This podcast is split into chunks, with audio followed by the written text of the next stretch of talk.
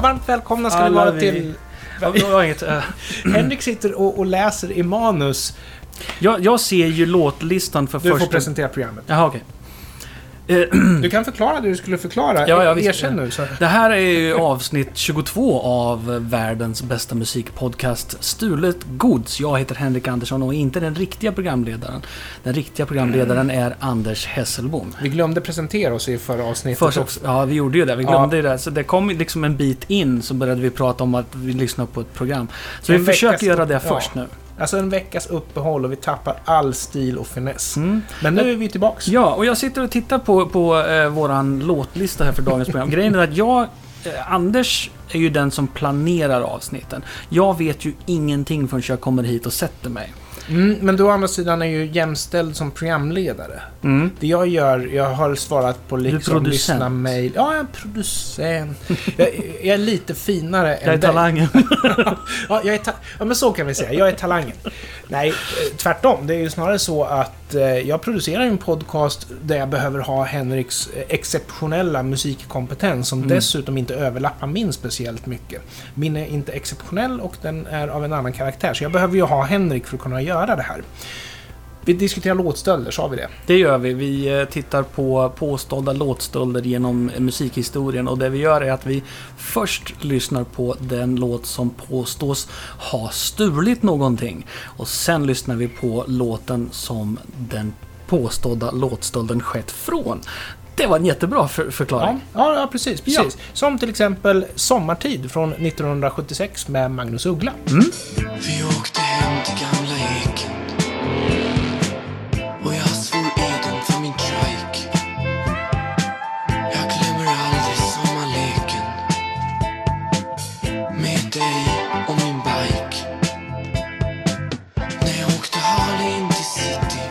Det rolig med övergången Att det inte var någon övergång.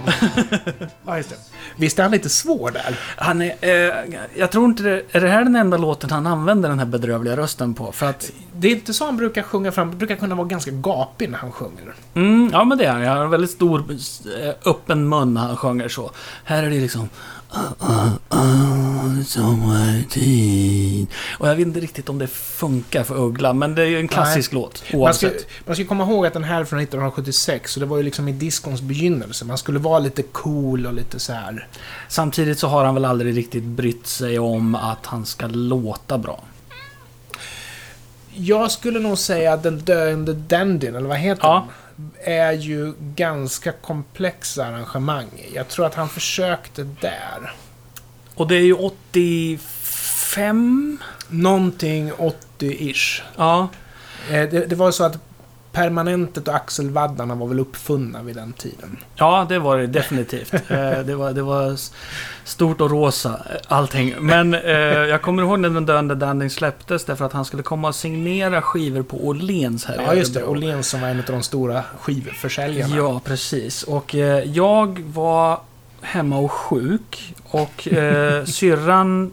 Nu kommer jag inte ihåg, jag var vi sjuka båda två? I vilket fall som helst så fick mamma i uppdrag att åka till Åhléns för att köpa den döende dandyn och få den signerad åt oss. Och eftersom vi var som vi var så fick hon då köpa en LP till syrran och en kassett till mig.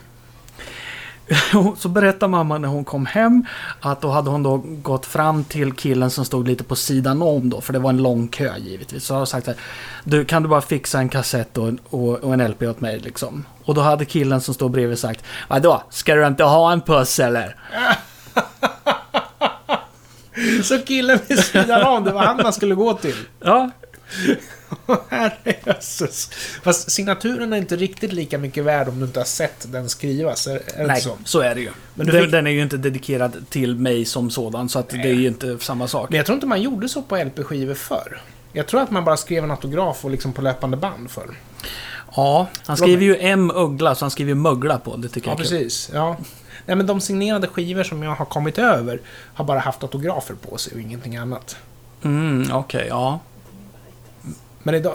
Ja, Vargtass ett undantag, men där var ju du Mia och fick den signerad, var det inte så? Men skrev han Vargtass då? Nej. Jo, det var Inloken och Vargtass inom parentes. Ja, just det. Ja, precis. För att han var ju vargtass i Sverige då. Ja. Ja, nu pratar vi förstås om den, eh, den, den gamla serien som jag helt glömt bort vad den heter bara för Någon cowboysare serie. Var det Var det? McKayan? Okej.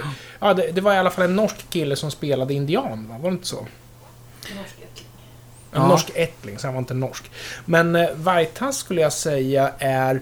Alltså det är förvånansvärt bra producerad musik. Sen kanske det är lite corny idag, men alltså det är inga klappträn som satt i studion och, och mixade hans grejer kan jag säga. Nej, men det var väl, det var väl eh, förmodligen eh, filmbolaget eller ja, TV-produktionsbolaget som insåg att här kan vi dra in cash ja. om vi bara lägger in lite cash. Ja, precis. Exakt, exakt. Och ett fenomen där, nu ska vi inte glömma bort att vi faktiskt har lyssnat på Magnus Uggla med Sommartid.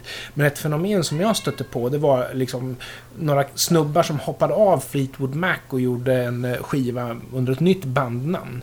Och så, så de två första spåren var helt briljant producerade. Mm. Och resten lät som de var ställt upp en mick i en replokal och bara kört. De två som släppte på singel, det var där budgeten låg. Ja, ja, givetvis. Och det är de man lägger först på skivan. Så nu provlyssnar så bara det här är bra, den tar vi. Och sen bara... Sen Så. fyller vi ut. Vi backar ett enda år till 1975 och det här är gruppen The Pretty Things med låten Drowned Man. Den låter så här. Long ago there was a friendship.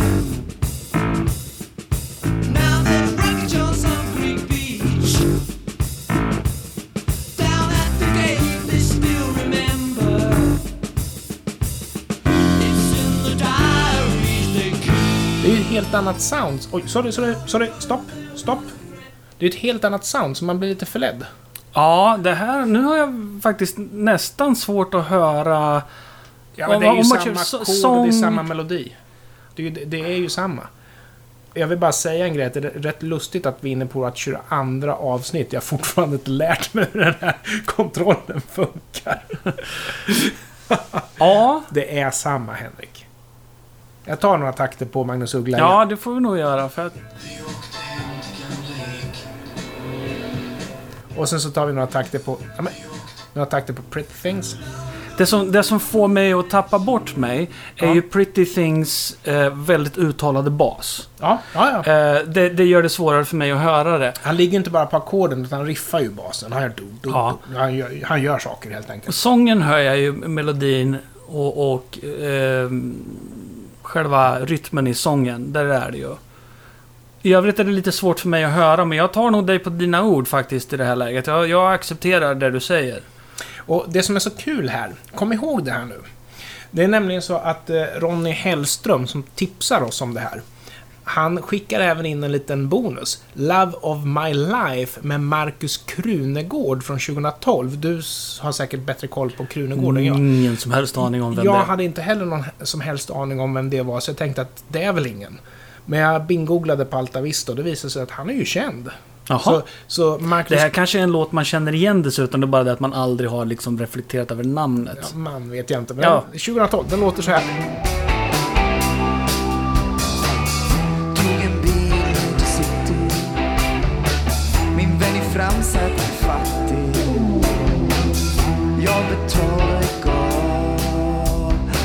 Ja, men han är just... Ja.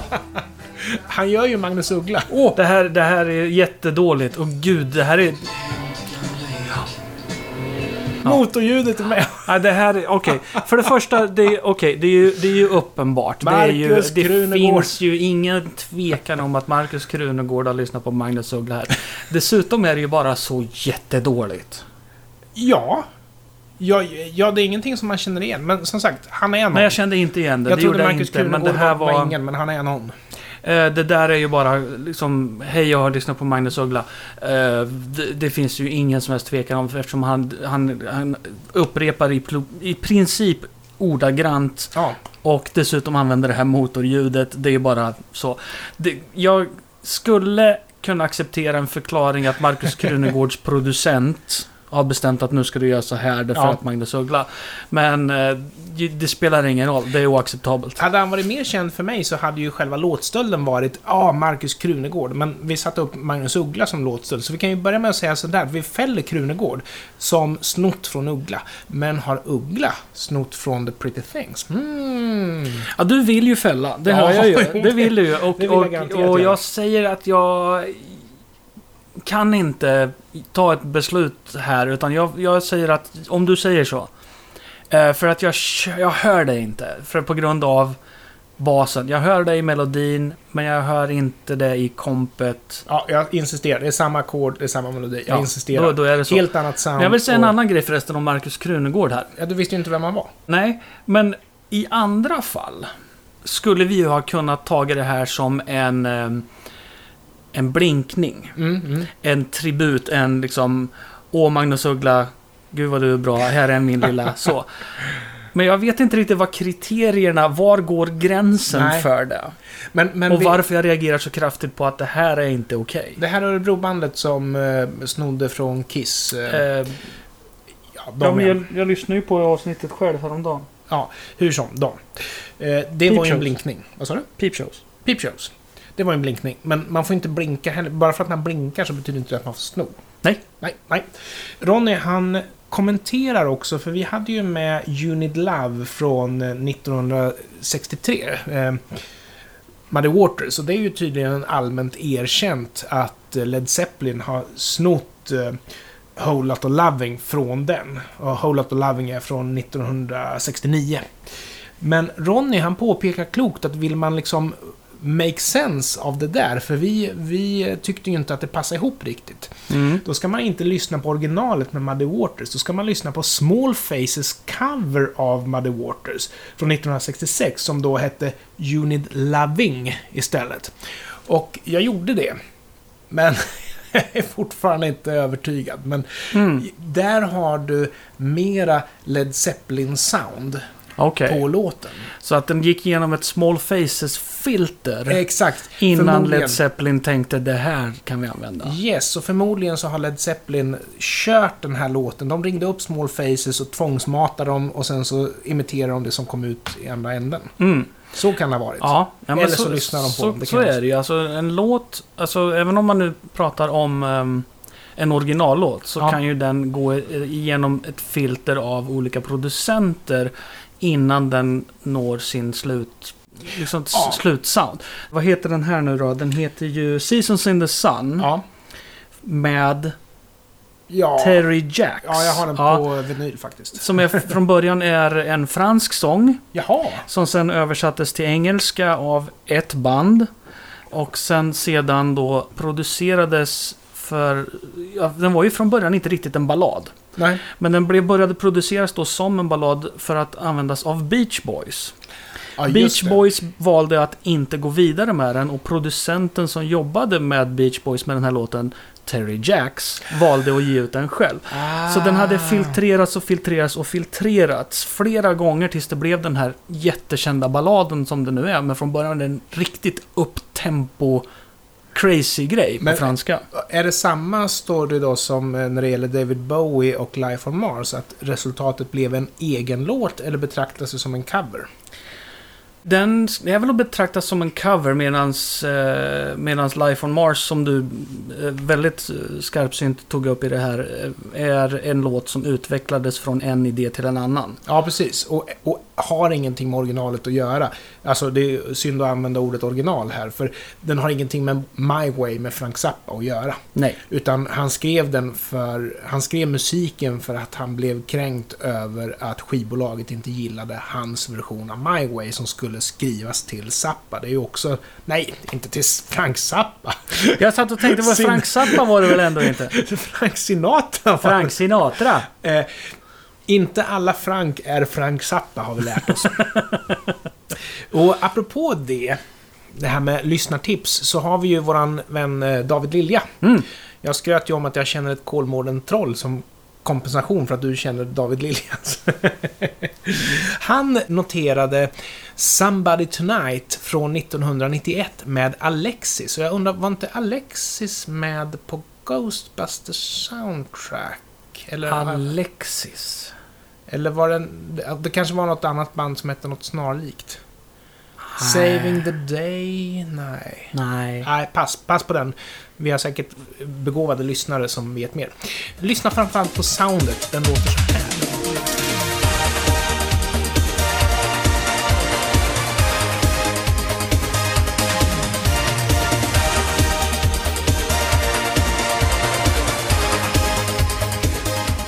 Stock Aitken Waterman. Ja, de gillar ju fjärdedel, eller åttondelarna. Koskällan. Ja. Alla Samantha Fox-låtar som de har skrivit låter ju så här. Ja, ja. Nothing gonna stop me now. Alla låtar som Stock Aitken Waterman har gjort eh, låter sådär. Ja, precis. Men det finns andra låtar som också låter så här och den här är ju alltså fyra år tidigare, 1987. Always on my mind från Pet Shop Boys. Men här ska vi också komma ihåg att Always on my mind är ju inte Pet Shop Boys egna låt. Den Nej. har ju bland annat Elvis Presley gjort. Mm. Men eh, ingen annan har ju framfört det på ett sånt sätt som Pet Shop Boys framför den. De har ju liksom skapat soundet kring låten. Mm. Den lät ju helt annorlunda från början. Lyssna på soundet.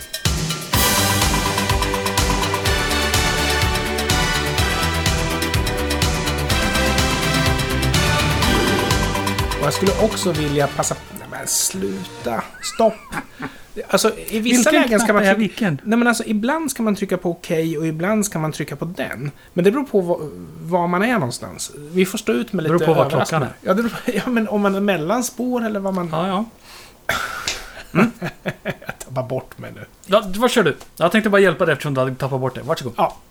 Och jag vill bara säga angående Pet Shop Boys att deras produktion är ju aldrig skit. Aldrig skit. Jag tror förresten att det är Trevor Horn från Yes bland annat som jobbar med dem. Det är inte omöjligt. Jag, eh, jag vet att David är ett jättestort Pet Shop Boys-fan. Han det är är, väldigt, väldigt inne på dem. Och han kan garanterat tala om för oss vilka det är som Ja. de arbetar med när de gjorde Always On My Mind. Som en, en stor, stor singel från dem som fortfarande går på radion med jämna mellanrum. Och en grej som jag gillar med Pet Shop Boys det är ju att deras tidiga grejer var inte speciellt bra mixade eller producerade. Men då mixar de om det utan att direkt ändra soundet så att det låter bra. Ett jättebra sånt exempel är väl Suburbia. Mm. Som lät rätt skit i början, men när man hör den på radio idag så låter det ju hur bra som helst liksom. Ja, det var, det var en god tid för musiken när Pet Shop Boys började. Ja, det var härligt. Här har vi i alla fall då... Eh, det är ju omöj- omöjligt att inte säga namn som Stock, Aiken och Waterman när man pratar om det här soundet. Eh, det är koskällande, det är lite high energy trum... Men Pet Shop Boys har aldrig jobbat med dem. Nej, men det är, det är ändå den feelingen här. Och snackar vi 87 så är det ju ändå... Alltså Stock Aitken Waterman-soundet Ja. är ju jättestort på den tiden. Jag vill inte säga att Pet Shop Boys ville låta som det soundet. Men Nej. det blandade sig oerhört bra med det som var ett populärt sound då. Och ett typiskt exempel där är väl Dead or Alive. Mm, Och eh, Nothing Gonna Stop Me Now med Samantha Fox. absolut. Eh, Kylie Minogue. det, ja, ja. Kylie Minogue. Massor Ja, med, med. Stock Aitken Och det, Waterman. det är mycket pulserande. Ja, precis. Ja. Och eh, ska man bara snacka trumkompet så skulle man inte kunna fälla Alexis för det här. Nej, nej, nej. Men det är ju inte det vi pratar om. Utan vi Nej. pratar om orkesterhittar och och hela den biten. Och där vill man låta som Always On My Mind. Jag tycker att det är ganska uppenbart. Ja, jag vill också fälla den här. Ja, Eh, Jag tycker inte att det här är en låtstöld i ordets rätta bemärkelse, utan jag tycker att det är en imitation. Ja det är, jag höll på att säga formstöld. Men det är nästan, det är mer än formstöld. Och vad länge sedan det var vi fick säga det ordet. Det var ju så kul att använda det ordet. Jag älskar ordet formstöld. Ja, precis. Och ni vet vilken podcast ni hörde det först i. När det kommer in i eh, Svenska Akademins ordlista som eh, nytt inneord här om... Det kommer att ha en bild på dig. Då är det en bild på mig. Henrik Andersson uppfann formstöld i den oerhört omåttligt populära podcasten Stulet Gods. Till Melodifestivalen, år 2009. Ja. Malena Ernman kör La Wa. Nej, hjälp mig Mia. Hur... Det låter bra. La voix. Du, är det godkänt? Eller voix kanske till och med. Jag vet, det är ett X på slutet där. Säg något Mia. Ah, Okej, Man behöver nog inte uttala det. Mia Det beror på vilket ord som kommer efter. Okej. Mia gav mig också godkänt, så Ja. vi på den. Ja. Här kommer den.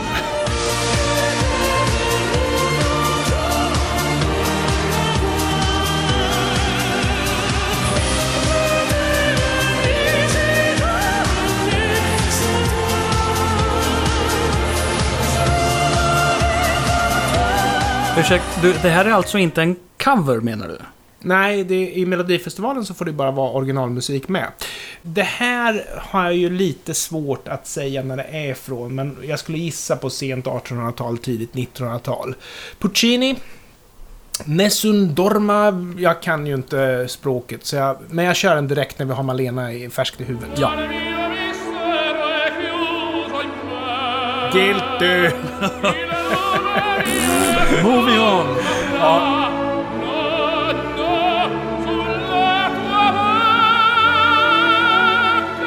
Det här är väl bland annat Fredrik Kempe och hon själv som har skrivit låten. Och som sagt, en, en förutsättning för att få vara med i Melodifestivalen är ju att det är en ny låt. Så det här är definitivt inte en cover. Jag tror att här har man dragit en rövare. Sveriges samlade P2-lyssnare satte morgonkaffet i halsen. Nej, det gjorde de inte för de tittade inte. Nej, det är sant. det, nej, det där är inte, det där är inte okej. Det, det är så jävla... Ja, och förmodligen så är det ju så att eh, hon kanske tyckte det var en bra idé eftersom det kan vara en vink till hon sjunger opera, Puccini skriver operor. Mm, mm. Nej. Nej, okej. Vi har ju haft med... Ava Max med Kings and Queens eh, tidigare i programmet från 2020 och eh, vi pratade ju Anki Bagger. Men Mm. eh, bara som en liten recap så här låter den. Det här tyckte jag var roligt för... För en lyssnare vid namn Håkan påpekade att vi tog upp det här utan att ens nämna Bonnie Tyler, If You're a Woman från 1986. Den låter så här.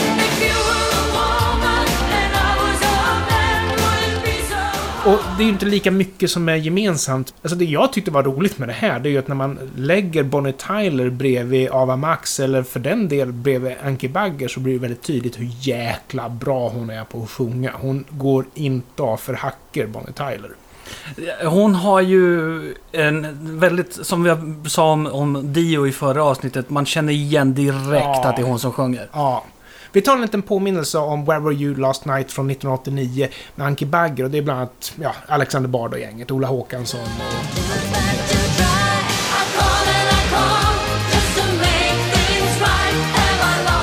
Och jag vill också säga som försvar då till Bonnie Tylers kompositör att de går ju isär där. Ava Max och Anki Bagger, de följer ju med varandra. Men i och med att det var så oerhört likt så tänkte jag vi måste ju ta upp den här igen eftersom det är ju... Ja, jag, jag finner det här oerhört intressant. eh, jag, jag, vill bara klargöra på en gång att även om inte Anki, Bagger hade gjort sin låt så hade ju Ava Max och Bonnie Tyler varit ett mycket intressant samtalsämne. Exakt. Eh. Eh, och det är därför det är så roligt att ta upp. Ja, och då är frågan den Bonnie Tyler, Anki Bagger. Där har vi ju tre år emellan låtarna. Ja, Anki Baggers låt... båda är från det gudomliga 80-talet. Ja, och Alexander Bard är ju inte främmande för att göra precis vad fan han vill. ja, han skiter i allt. Ja, så här är det ju bara wow guilty. På både Ava Max och Anki Bagger. Och frågan är om Ava Max lyssnade på Bonnie Tyler eller Anki Bagger. Större chans att det var Anki Bagger. Men tänk på att vi bara pratar om två takter här. Men å andra sidan så är det Mm. exakt samma toner och exakt samma komp under de två takterna. Mm. Så det, det är kort men intensivt. Ja, Jag sitter och tänker på annat som är kort och intensivt för att göra roliga liknelser. Så kom jag på vad dumt det, vad dumt det skulle vara. vad dumt det blev här då. Det är, det är en annan podcast. Men vi, men vi fäller. Vi, ja, vi fäller. Oh gud, ja, vi fäller. Kul att höra Bonnie Tyler. Ja, hon är grym. Det här är ju också någonting som är kul. Alltså, Friends in Need var ju ett välgörenhetsprojekt där Dr. Alban och en massa ja, sportkändisar egentligen. Fotbollsspelare, tennisspelare, vad heter han? Eh, Björn Borg?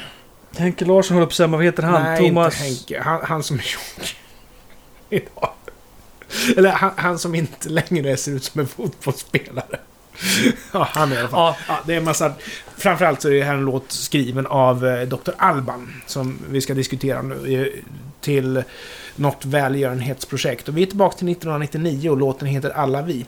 Det som jag älskar med den här videon, det är att den är extremt omdömeslös. Det är massor med närbilder på opererade bröst och liksom...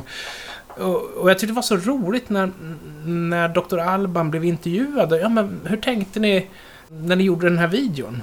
Åh, vi tänkte på sånt vi gillar. Vi gillar ju att åka skidor.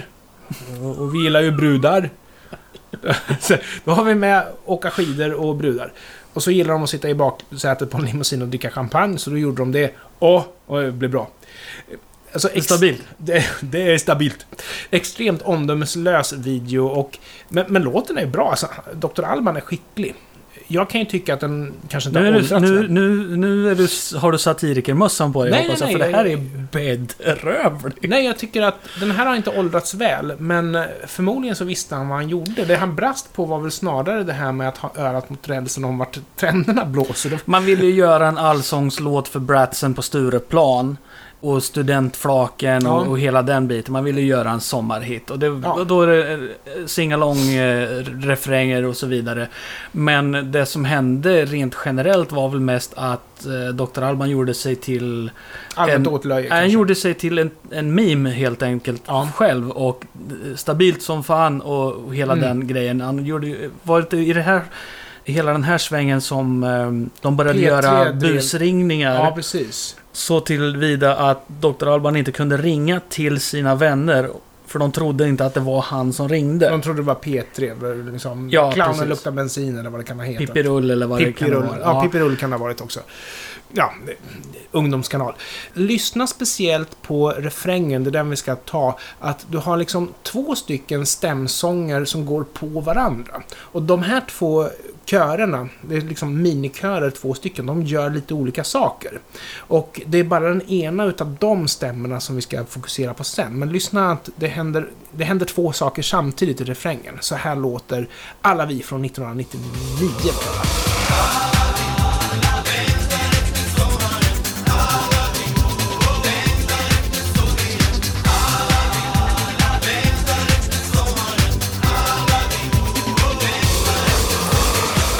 Det som jag vill påvisa här, det är att du först har alla vi och sen så har du alla vi. Och om du tar den där all, rytmen från den första den, den, den, och liksom melodin från den andra och använder det. Då får... Åh, det här är ju underbart. Då får du från 1998 låten SOS med den fenomenala... Ja, han måste vi prata om också. Mm. Dr. Bombay. Det låter så här.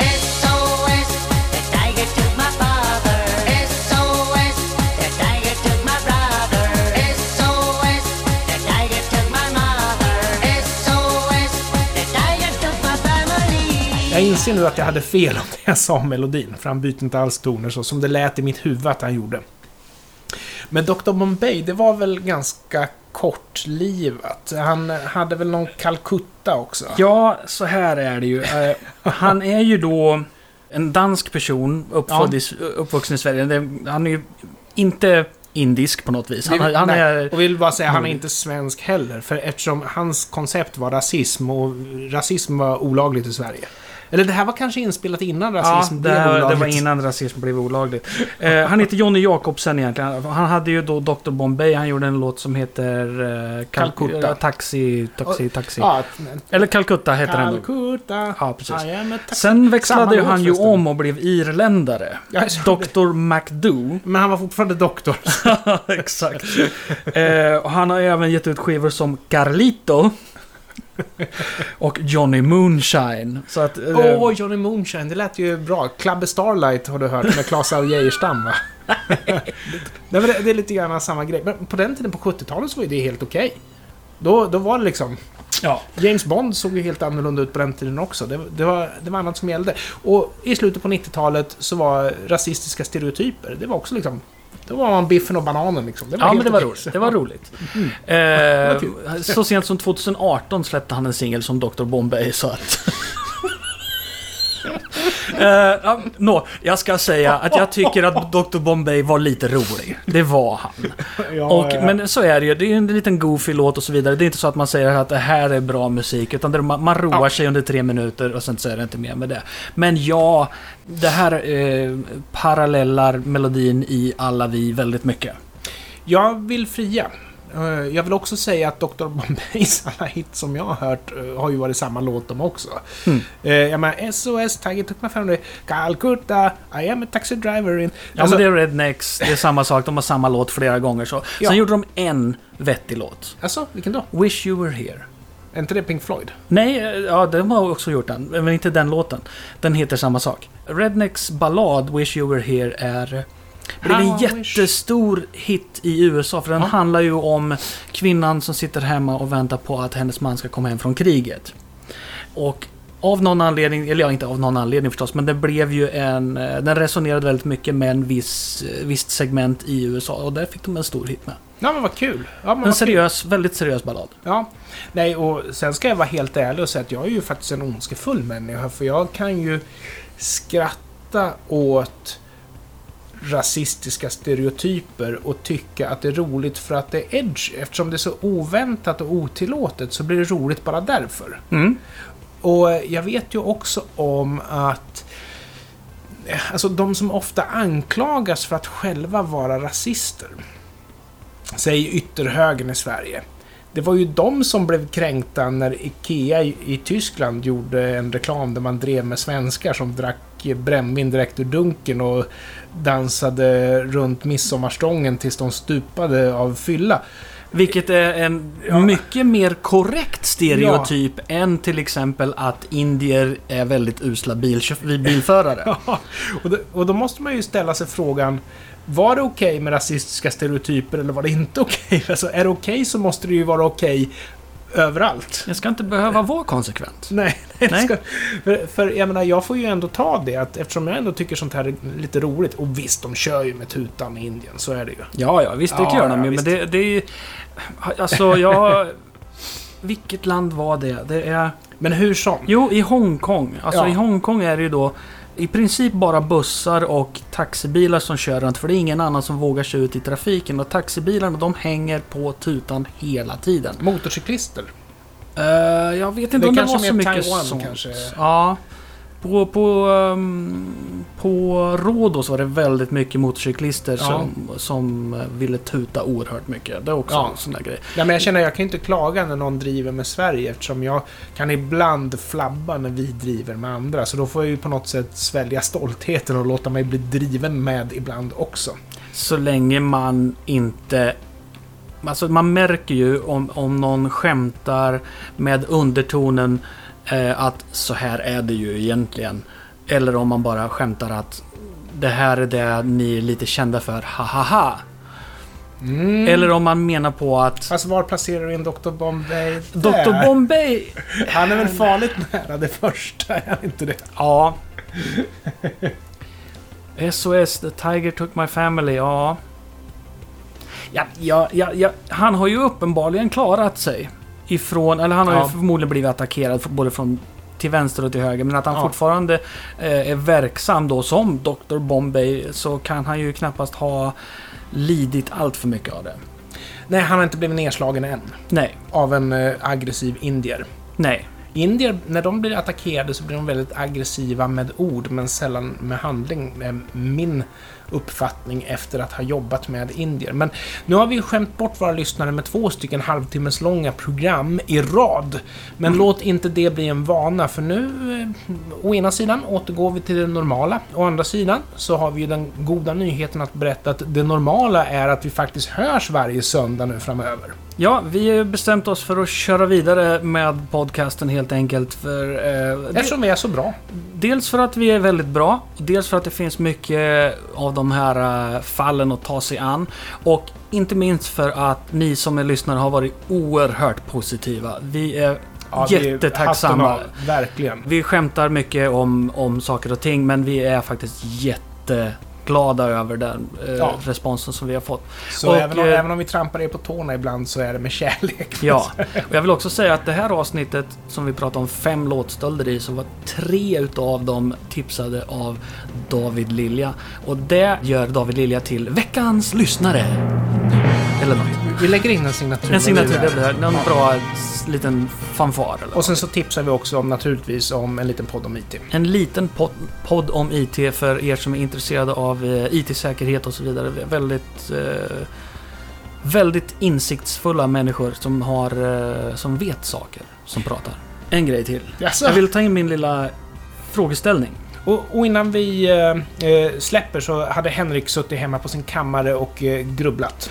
Ja, jag har nämligen en frågeställning som jag har ställt mig själv. Jag har inte riktigt kommit fram till något bra svar, men jag tänker att ni som lyssnar är ju väldigt intelligenta och insatta människor, så ni kanske kan hjälpa mig att komma fram till något vettigt svar på det här. Jag har nämligen en frågeställning, den är lite komplicerad, och den har flera kriterier som måste uppfyllas.